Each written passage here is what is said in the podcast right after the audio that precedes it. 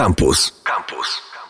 Cześć, witajcie. Monika Kita. Zapraszam na kolejny odcinek cyklu ekologicznego, który będzie bardziej energetyczny, bo będę mówiła o oszczędzaniu energii. Dlaczego? Dlatego, że jest to związane oczywiście z ochroną środowiska. Bardziej świadome używanie prądu energii elektrycznej jest przejawem postawy ekologicznej, ale głównym motywem mogą być też pieniądze. W 2022 roku zapowiada się podwyżka cen energii, nawet o około 20%. Jeśli tak będzie, będzie, to rachunek za prąd przeciętnego gospodarstwa domowego może wzrosnąć o kilkanaście złotych miesięcznie. Czy to dużo, czy to mało, trudno jednoznacznie powiedzieć. Na pewno stawki nie są jeszcze określone. Trwają wciąż negocjacje między firmami energetycznymi a Urzędem Regulacji Energetyki. Podwyżki cen są jednak nieuniknione, bo rosną ceny importowanego do Polski węgla, spada opłacalność wydobycia w polskich kopalniach, a dodatkowo elektrownie węglowe muszą kupować coraz droższe wyższe uprawnienia do emisji CO2. Nie będę jednak wchodzić w szczegóły rynkowo-biznesowo-polityczne, skupię się jednak na praktycznych wskazówkach skłaniających do bardziej świadomego korzystania z energii, której używanie wiąże się też z wpływem na środowisko naturalne. Wszyscy wiemy, że w Polsce prąd pochodzi ze spalania węgla, jest to nawet około 80% energii, tak więc jej oszczędzanie pomaga ograniczać emisję tlenków węgla, w tym CO2, tlenków siarki,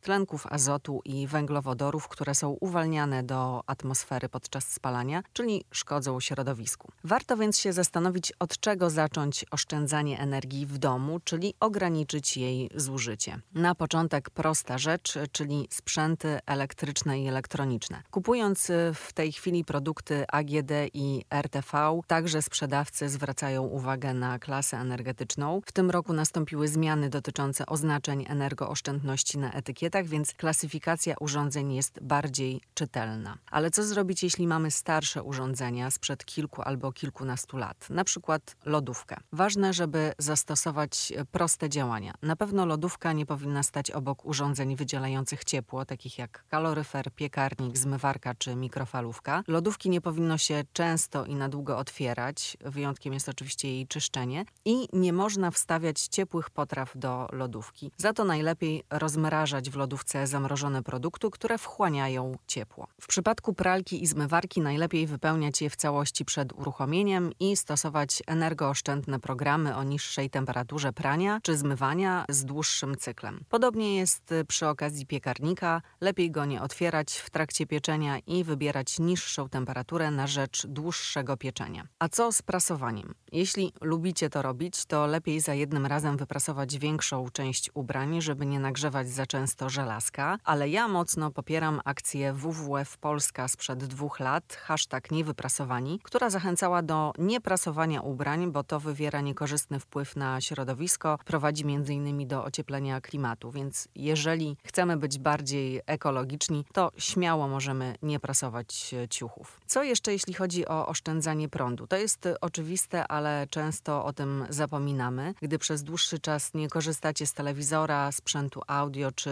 komputera, to odłączcie te urządzenia od prądu, nie pozostawiajcie ich w trybie standby. Wymiana żarówek na energooszczędne LEDowe to już jest podstawa. No i jeszcze coś, co jest bardzo ważne, wydawać by się mogło oczywiste, ale jednak wciąż wymaga przypominania, bo ja osobiście często spotykam takie sytuacje, czyli pozostające wciąż w kontakcie ładowarki do telefonu. Pamiętajcie, że po zakończeniu ładowania telefonu ładowarki wciąż pobierają prąd. Może są to niewielkie ilości w porównaniu do telewizora czy lodówki, jednak po zsumowaniu tych niepotrzebnych godzin w sieci mogą dać naprawdę niezły wynik. Zwłaszcza, że telefonu używamy niemal non-stop i ładujemy prawie codziennie. Te praktyczne wskazówki dotyczące codziennego oszczędzania energii w domu to nie są wielkie odkrycia, to są małe i proste zachowania, które skłaniają do zmiany codziennych nawyków związanych właśnie z używaniem energii elektrycznej i to, uwierzcie, naprawdę niewiele kosztuje, a można przy tym zaoszczędzić zarówno pieniądze przy okazji zbliżającej się podwyżki cen energii i można dzięki temu być bardziej eko.